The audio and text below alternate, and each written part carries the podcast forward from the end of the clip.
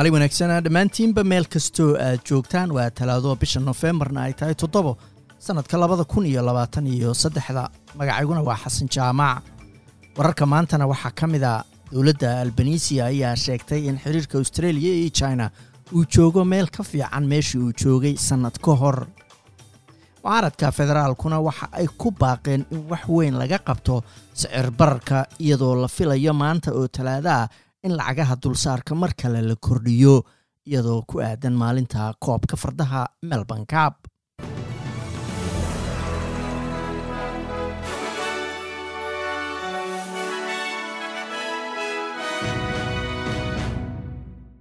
dowladda antony albanisi ayaa sheegtay in xiriirka australia ay la leedahay china uu joogo meel ka fiican halkii uu joogay sannad ka hor iyadoo ra'iisul wasaare antony albanisi uu weli ku guda jiro booqashada uu ku joogo dalka china. Maer albanisi ayaa kula kulmi doonaa premierka china li jiang magaalada beijing maanta oo bishu ay toddoba tahay. Kadib markii uu horey shir lagu tilmaamay mid lagu guulaystay uu la yeeshay madaxweyne shi jingping shirkaas ayaa lagu tilmaamay mid taariikh cusub u abuuraya xiriirka labada dal qaramada midoobey ayaa sii kordhisay baaqii ay ku doonaysay in xabad joojin laga sameeyo marinka khaza iyadoo duqaynta israa'iil halkaasi ay weli sii kordhayso. Qaramada midoobey ayaa ku tilmaantay dhulka falastiiniyiinta meel qabuura u noqotay carruurta. Wasaaradda caafimaadka falastiiniyiinta oo xamaas ay maamusho ayaa sheegtay in tirada dhimashada ee gobolku hadda ay kor u dhaaftay toban kun oo qof oo ay ku jiraan afar kun iyo boqol caruura tan ayaa imanaysaa bil kadib markii mintidiinta xamaas ay kun iyo afar boqol ku dileen israa'iil laba boqol iyo afartan qofna ay afduubteen bishii oktoobar toddobadeedii.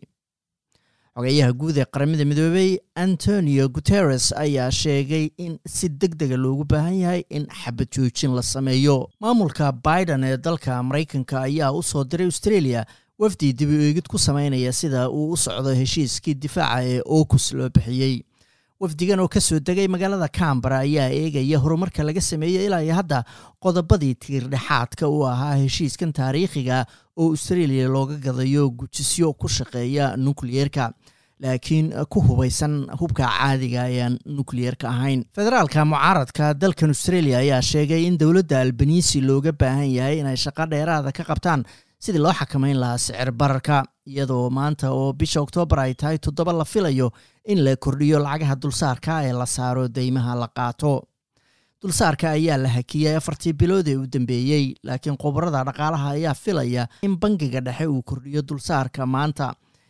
iyadoo lagu dari doono ayaa la yiri eber dhibic labaatan iyo shan boqolkiiba taasoo dulsaarka guud ahaan gaarsiinaysa afar dhibic saddex shan boqolkiiba. Bulshada ayaa ka tacsiyeysay shan qof oo geeriyooday kadib markii gaari uu shil ahaan u galay meel baara oo dad ay ku caweynayeen oo ku yaalla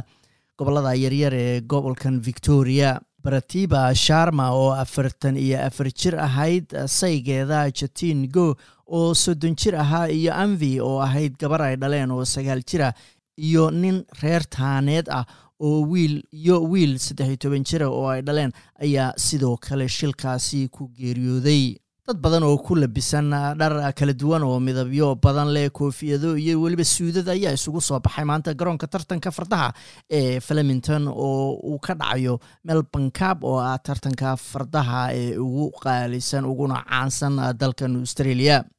Saadaasha hawada berita oo arbaca magaalada melbourne roobab weliba dabaylo wata ayaa la filaya labaatan iyo sagaal busa gaaraya sydneyna waa qayb ahaan daruur iyo labaatan iyo saddex halkii australian dollar maanta waxaa lagu sarifayey